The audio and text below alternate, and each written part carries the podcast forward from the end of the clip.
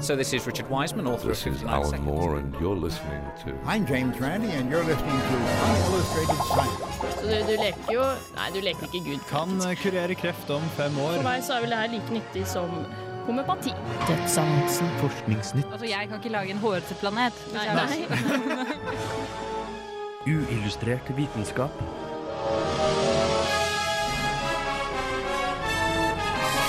Science, works. I ukens Uillustrert vitenskap skal vi gi deg svar på hvorfor enkelte dovendyr av og til går ned fra trærne. Og du skal få en innføring i megakonstruksjoner. Samt en rekke andre filosofiske spørsmål.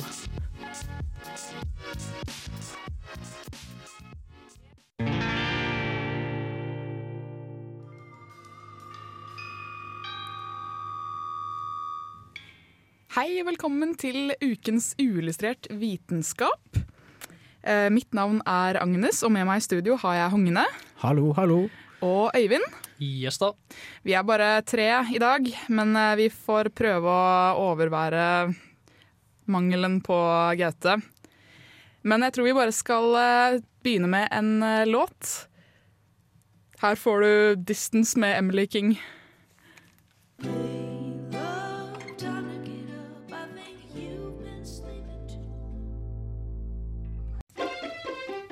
Vi blir fortalt fra vi er ganske små at noe av det viktigste her i livet er å være seg selv. Men hvis du går rundt med den gode følelsen av å være deg selv til enhver tid, tar du feil. Og hvis du tror at det meste du består av er dine egne celler, tar du også feil. Det er nemlig slik at vi er mindre, eller kanskje jeg bør si mer, enn et menneske. Inni oss er det nemlig et komplekst økosystem som er hjemmet til en fantastisk diversitet av liv, hvor svært lite tilhører vår art. I magen vår bor det 100 trillioner mikroorganismer. Hvis du hadde satt sammen alle disse organismene, ville de omtrent utgjort størrelsen til en fotball. Dette bygger opp mange filosofiske og anatomiske spørsmål. Bør vi være bekymret? I nyfødte spedbarn finnes jo ikke alle disse organismene, så hvor kommer de fra egentlig? Og hva gjør de? I forskningsuniverset er det nå blitt enighet om at mikroorganismer bidrar til å opprettholde helsen vår. Og godt er det, for vi består tross alt av ti ganger så mange bakterieceller som menneskeceller.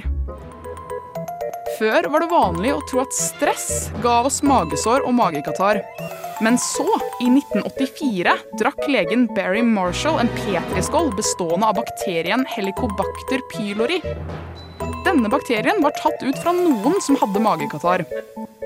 Åtte dager senere utviklet legen en massiv betennelse i sin egen tarm. Men han fikk i det minste en nobelpris for alt trøbbelet. Så hva er denne bakterien godt for? I 50% av befolkningen lever denne bakterien i harmoni med oss, uten bivirkninger, og lave nivåer av bakterien har vist til økt risiko for astma. I tillegg til dette produserer tarmbakterier hundrevis av nevrotransmittere som brukes av kroppen til å regulere læring, hukommelse og humør. I tillegg er tarmbakterier også kjent til å fremstille opptil 95% av kroppens tilførsel av serotonin, som er en bidragsyter til følelsen av velvære og lykke. Det er altså en sammenheng mellom bakteriene vi består av, og sykdommene vi får. Dette kan være med på å skape en ny type behandling, nemlig såkalt avføringstransplantasjon. Og ja, det er akkurat det det høres ut som. Du får tarmbakteriene til en frisk person.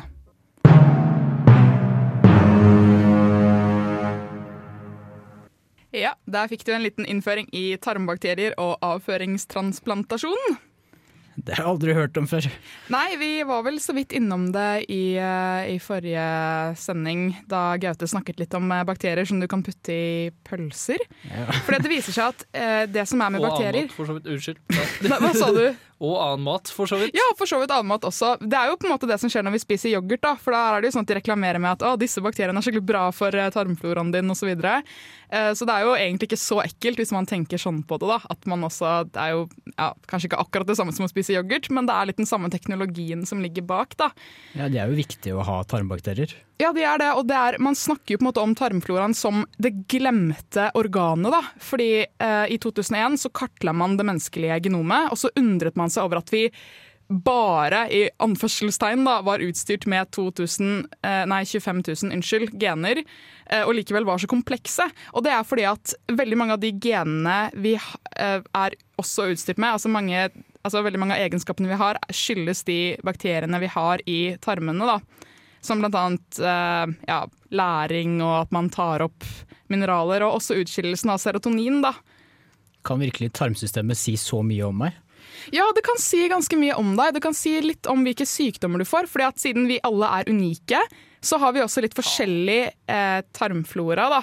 Eh, og det har også litt å si på barn som er tatt med keisersnitt, faktisk. Fordi eh, man, Jeg nevnte jo også i saken at eh, spedbarn ikke har eh, tarmflora. Det jeg mente med det, er at man, man får det idet man blir født. Da. Man er ikke på en måte utstyrt med så veldig mye eller så veldig mange tarmbakterier, men man får den idet man på en måte eh, blir født og ja, går gjennom fødekanalen. Men det som er, er at hvis man blir tatt med keisersnitt, så får man en litt annen type bakterieflora. da. Og hva slags fordeler og ulemper er det ved det? Eh, de fordelene og ulempene som var med det, var at eh, man, altså barn som er tatt med keisersnitt, da, de er i større fare for å få høysnue og astma. Og også mm, er det litt sånn, de har forsket litt på at det kanskje kan De kan eh, være i større risiko for å eh, bli overvektige. Da. Så fedme er jo også da på en måte en risiko, men jeg vet ikke jeg vet ikke helt hvor seriøst eller hvor alvorlig dette her er, hvor langt de har kommet med akkurat den forskningen, men det er iallfall veldig viktig, da. Ja, men kanskje sånn gjennomsnittet er litt høyere enn det det vanligvis er i vekt f.eks. Og Ja, det trenger jo ikke definere deg som person om du blir tatt med keisersnitt eller ikke. Nei da, absolutt ikke. Det er jo, jeg vet ikke hvor langt de har kommet med, med akkurat det. Men det som er eh, med tingen her, er at eh, tarmfloraen på en måte endres litt når man blir syk. Da. Det kan hende at det er noen bakterier som man eh, som, De blir ikke borte, men at det kanskje blir litt sånn, eh, en liten minkning. Da, at man mister litt forskjellige bakterier. Og da er det man kommer inn med denne transplantasjonen, da, som jeg nevnte, at man kan få få bakteriene til de man ønsker å ligne på. Da, rett og slett. At man, hvis man kanskje mangler de bakteriene som gjør den type oppgaven, så kan man få de fra en, fri, en frisk person som hadde det. Og det var også det som skjedde med han legen da, som fikk eh, en type bakterie fra eh, noen som hadde magekatarr, og så fikk han det selv. da, For å bevise på en måte hvordan det virker. At det er, det er så lett, lett som det at man bare kan overføre. da. Ja, jeg vil egentlig ikke vite hvordan avføringstransplantasjon foregår, men eh, Ja, det er ikke så, ja, det er jo med en sonde, da, så kan man jo det er, det er, Du slipper å liksom drikke det og sånn. Slurpe det i deg. Jeg tror du kan få det på en litt mer pleasant måte, for å si det ja, slik. bra det. Men uh, hvordan påvirker de bakteriene det, det her eh, immunforsvaret? Det henger jo på en måte litt sammen med immunforsvaret ved at eh, bakteriene gjør veldig mye for oss. Da. De tar opp næring, og dersom de ikke virker helt som de skal, eller hvis de er i mindretall, hvis det er litt færre av dem enn det egentlig skal være, så mm, ja, mister vi litt næring. Blant annet, da. Det er jo også, også flere ting. Det er jo snakk om 10 000 ganger flere celler enn vi består av. Oi. Så ja, så sånn er det med den saken. Men før dette her eh, tar helt av, så tror jeg vi skal eh, kjøre videre med en sang. Her får du 'Ingen Vega utenom' av Daniel Kvammen.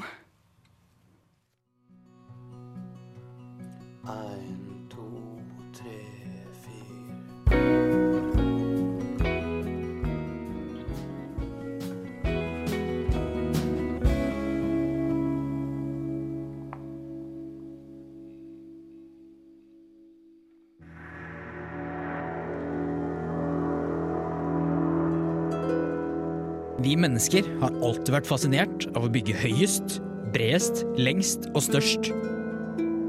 Allerede for over 4000 år tilbake lagde egypterne et hundretalls pyramider av en slik størrelse at forskere den dag i dag fortsatt undrer over hvordan det i det hele tatt var mulig å få dem bygd.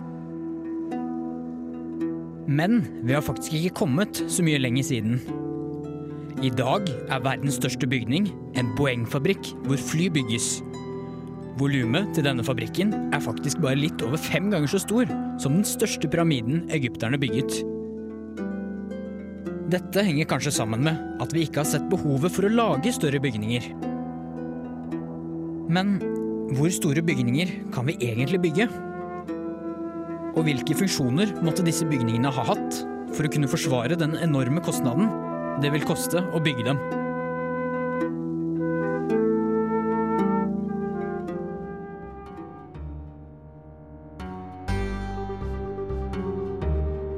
Den kanskje mest kjente ideen til en slik megakonstruksjon er en romheis. En heis som går fra bakken og helt ut til verdensrommet. Med en romheis ville kostnadene for å få satellitter og andre ting i bane rundt jorda sunket dramatisk og bare kostet en brøkdel av det det koster i dag. Dessverre finnes det ikke materialer i dag som er sterke nok. Men i framtiden vil vi sannsynligvis ha nanorør av karbon som vil være sterke og lette nok. Og en romheis vil være mulig å lage hvis det er ønske for det.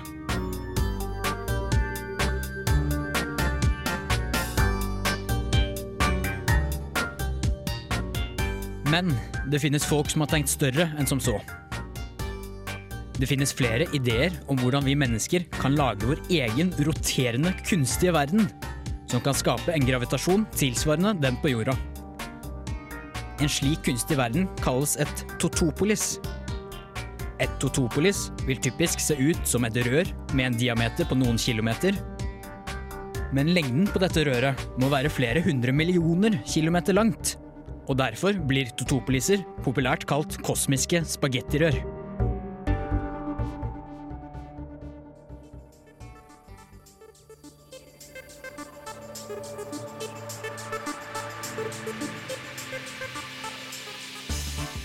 Det går selvfølgelig an å tenke enda større. Og en av de største teoretiske megakonstruksjonene som er foreslått, er en ringverden. En ringverden er en roterende ring som vil omkretse en stjerne. Den vil ha en radius tilsvarende avstanden fra sola til jorden, og massen vil være omtrent lik massen til alle planetene i hele solsystemet vårt. På den positive siden vil en slik ringverden sannsynligvis være stabil, og rotasjonen vil føre til normal gravitasjon. Dessverre vil nok ikke denne ideen bli realisert med det første. Og fokuset vårt bør nok heller først være å slå de gamle egypterne med litt mer enn det vi gjør i dag.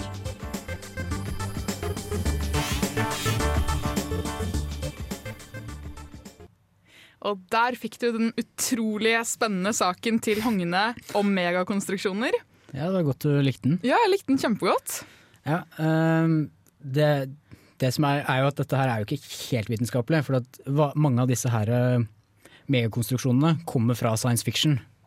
Så det er altså det er science fiction som bygger på fysikk. Ja, det, ja, for de bygger jo på De prøver jo å finne ut om ting Eller eh, lage modeller som faktisk kan lages i virkeligheten. Hvis vi hadde hatt nok ressurser til det. Da.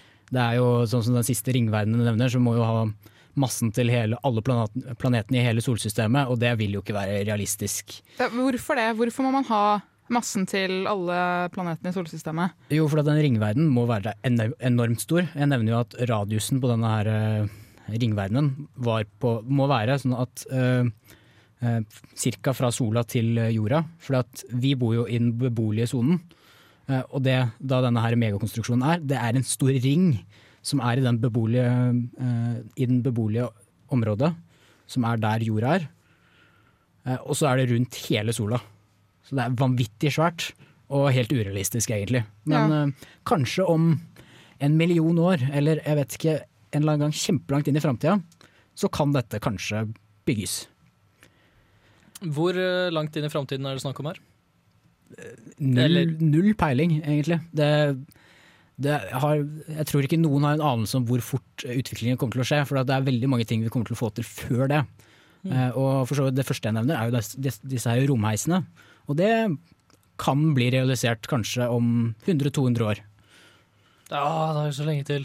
Ja, kanskje kortere også, men eh, akkurat i dag så har vi ikke den teknologien som kreves. da, at vi har ikke sterke nok materialer. Men karbonrør er vi ikke Jo, det nevner jeg jo at karbonrør, eh, det har vi begynt å utvikle.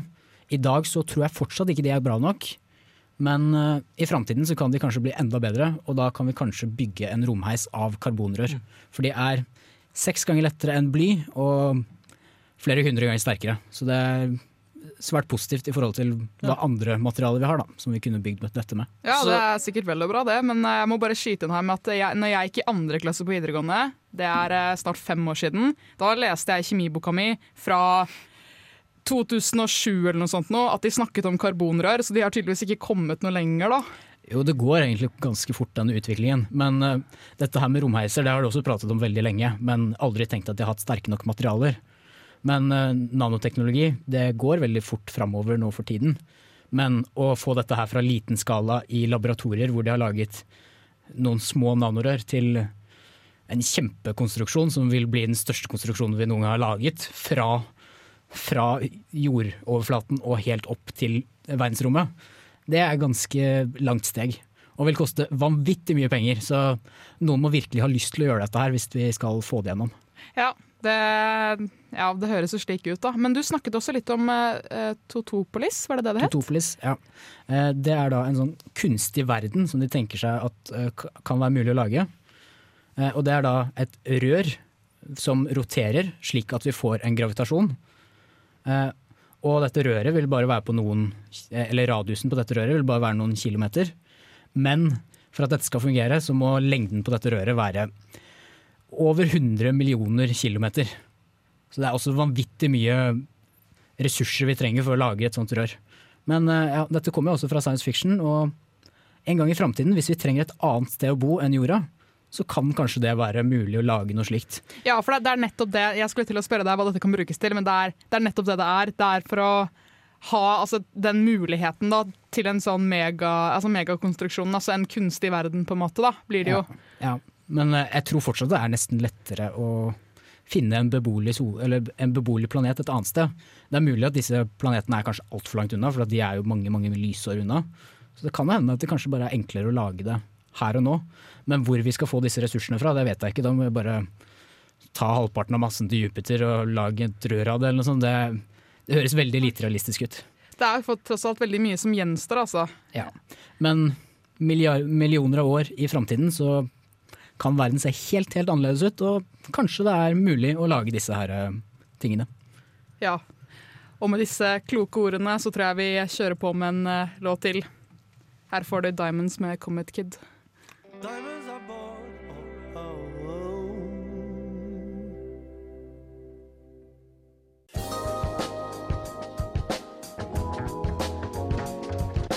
Har du noen gang gått så lenge uten å dusje at det har vokst planter på deg?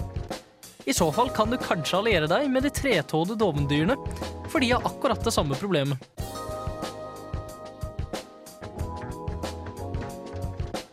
Dovendyrets pels er hjem for både møll og alger. De lever stort sett av blader og enkelte typer frukt, og har dermed en meget lav metabolisme, som fører til at det beveger seg generelt treigere enn andre pattedyr. Dette problemet løser den ved å nesten ikke bevege seg i det hele tatt, ved at de sover rundt 20 timer i døgnet, mens de henger i trær.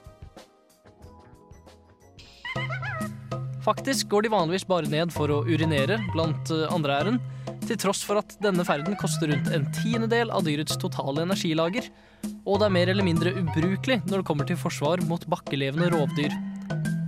Så da kan man jo lure på hvorfor i alle huleste, heiteste et sånt dyr gidder å ta seg bryet når alt bare kan gjøres direkte fra treet. Det viser seg at møllene i pelsen til dovendyret er avhengig av hele denne prosessen for å legge egg og formere seg. Dovendyret tjener på dette forholdet ved at møllenes avkom flyr tilbake til dovendyrets pels og tar samtidig med seg nitrogenavfall. Som igjen er nødvendig for at næringsrike alger skal vokse i dyrets pels. Faktisk er det disse næringsrike algene som har gjort det mulig for dovendyret å leve på en diett bestående av lite annet enn frukt og blader. Så om du er et vandrende økosystem for planter og har alliert deg med både møll og dovendyr, kan du se fram til en næringsrik framtid.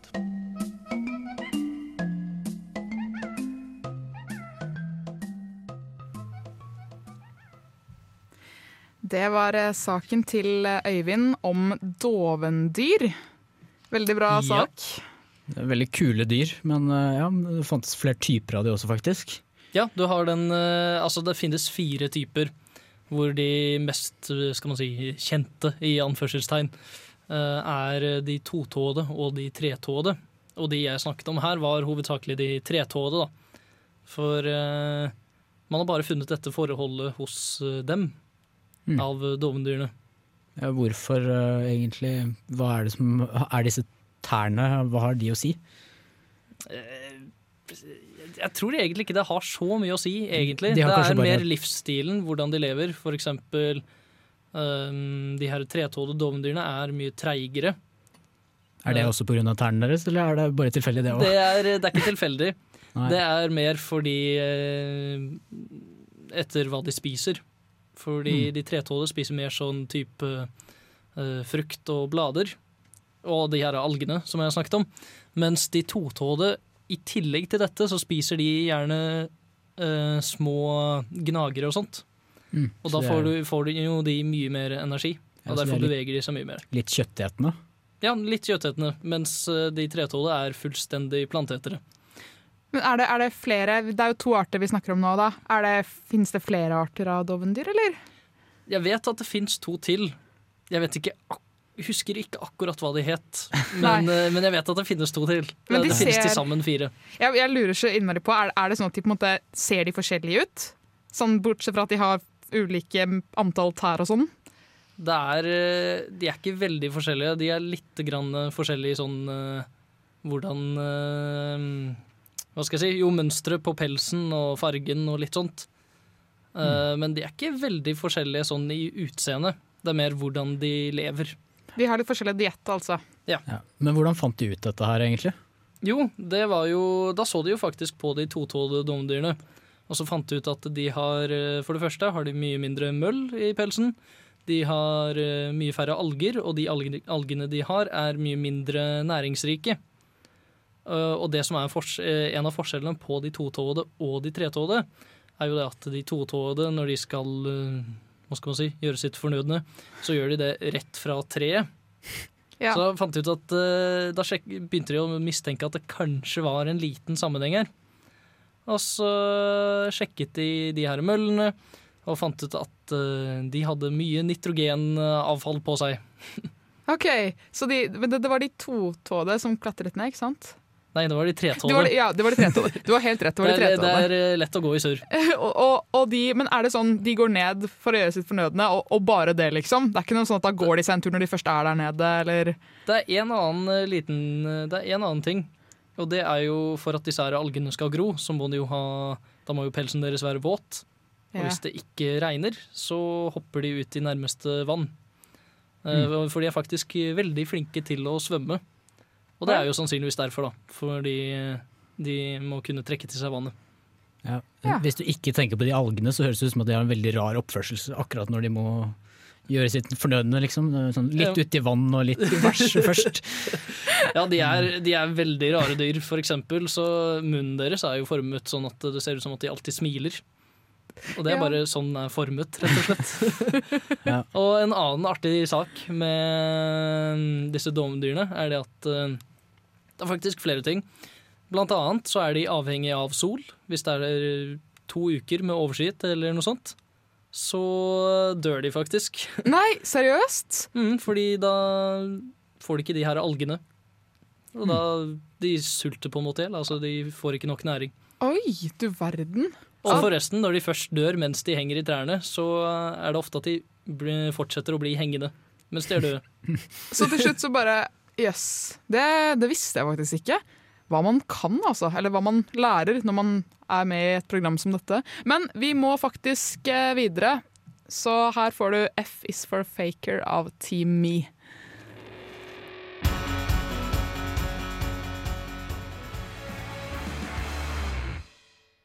How does it work, you may be asking? How? With science, of course! I'm Dr. Insano! It's what I do! And if you order today, I can have the Dr. Insano anti magic field generator kit overnighted to you! With its three settings, starting from its lowest economical green setting, David Blaine, all the way to its highest industrial strength power, David Copperfield. No magic will touch you, and it's all thanks to the Dr. Insano anti magic field generator kit! Uillustrert vitenskap. Ja, det stemmer. Du hører på uillustrert vitenskap fortsatt. Og nå lurer jeg på om vi kanskje skal ta en liten eh, forskningsnytt. Jeg vet at du Ja. har noe å si, eh, Hogne. Ja, jeg har funnet mye spennende forskningsnytt denne uka, jeg. Eh, og ja, det blir litt psykologi, da. Eh, for det de har funnet ut nå, er at eh, personer som har navn som er lette å uttale, er mer til å stole på. Eller folk stoler mer på folk med lette navn. Hva er definisjonen av et lett navn, må vi kanskje ta først. Eh, ja, si det. Eh, det. Det må være lett å uttale, da, på en måte. Og i hvert fall dette her hadde ingenting å si hvilket land du er fra. Du, kan, du kunne jo godt tatt dette her og tenkt at ja, utlendinger har vanskelige navn, og du stoler kanskje mindre på utlendinger. Men eh, dette her var helt landsuavhengig, da. Så personer fra samme land, med en med et litt vanskeligere navn enn den andre, eh, var mer til å stole på. Men hvis det er lett for eh, innbyggerne, i, altså de som bor i landet, å uttale det, de som Ja. kan språket, eller hva jeg skal si, og vanskelig for andre, hva skjer da? Nei, det, det er jo fortsatt eh, Det det handler om, er jo denne her psykologiske effekten at eh, vår huleboerhjerne tenker at det som er kjent, er mer til å stole på. Dette Mm. bruker jo eh, firmaer eller alle mulige der, eh, som selger varer og sånne ting, har jo, prøver å få eh, varen sin kjent. Fordi kjente ting stoler vi med på, og da kjøper vi det. Og Den samme effekten skjer her. da. Så De, de testa vel Adrian Babesjko og Sjeslav Rotynska. Jeg vet ikke helt om det var u- uriktig uttalt, men eh, det var i hvert fall Vanskelig å uttale, da, i hvert fall. Ja, det var vanskelig å uttale. Og de stolte mer på denne personen som uh, turistguide, og hvis de skulle uh, avgjøre hvem som er farligst, og hva de sa, og hva de skulle stole på. Eh, ja, så da kan jeg hoppe videre til neste forskningsnyhet. Eh, det blir også da psykologi. For det, var, det de har funnet ut, er at fengslede kriminelle eh, de mener at de i forhold til gjennomsnittet er mer moralske, de er snillere mot andre, de er mer selvkontrollerte, de er mer lovlydige faktisk, mer medfølende, mer sjenerøse og mer til å stole på, og mer ærlige enn det en gjennomsnittsperson er. Og Det er da de Ja. som sitter i fengsel nå og svarer på en sånn spørreundersøkelse og mener at de er bedre enn gjennomsnittet. Så de mener, de mener at de er uskyldige, liksom? Ja, nei, de mener i hvert fall, de mener i hvert fall at de er bedre enn gjennomsnittet. Så ikke nødvendigvis uskyldige, men eh, Nei, de, de, skyldige, men snille. Ja, de, de er mer lovlydige for eksempel enn gjennomsnittet. Litt merkelig at de sitter i fengsel og noen andre ikke gjør det, men eh, ja. Eller skyldige på en uskyldig måte, kanskje. Ja. Ja. ja, ja, OK. ABB mener jo at han har gjort noe bra for verden, da, så det er jo tydeligvis eh, Man kan jo tro at man har gjort en bra ting, selv om det kanskje var ulovlig. Det finnes jo de også. Ja. Og dette kommer jo av denne psykologiske effekten. Det finnes jo et uh, annet forsknings, Uh, en forskningsartikkel som har dette her med at uh, når du kjører bil, så mener 80 at de er bedre enn gjennomsnittet til å kjøre bil. Ja, nettopp. Det er nettopp er det. Og det, det er jo dette som skjer her, da. Men eh, du, skulle, du blir litt overrasket over at de fengslede tenker så godt om seg selv. Ja. Eh, jeg lurer på om vi skal eh, ta en liten pause der og høre på litt musikk. Men vi skal snakke litt mer om forskningsnyheter etter denne låta her.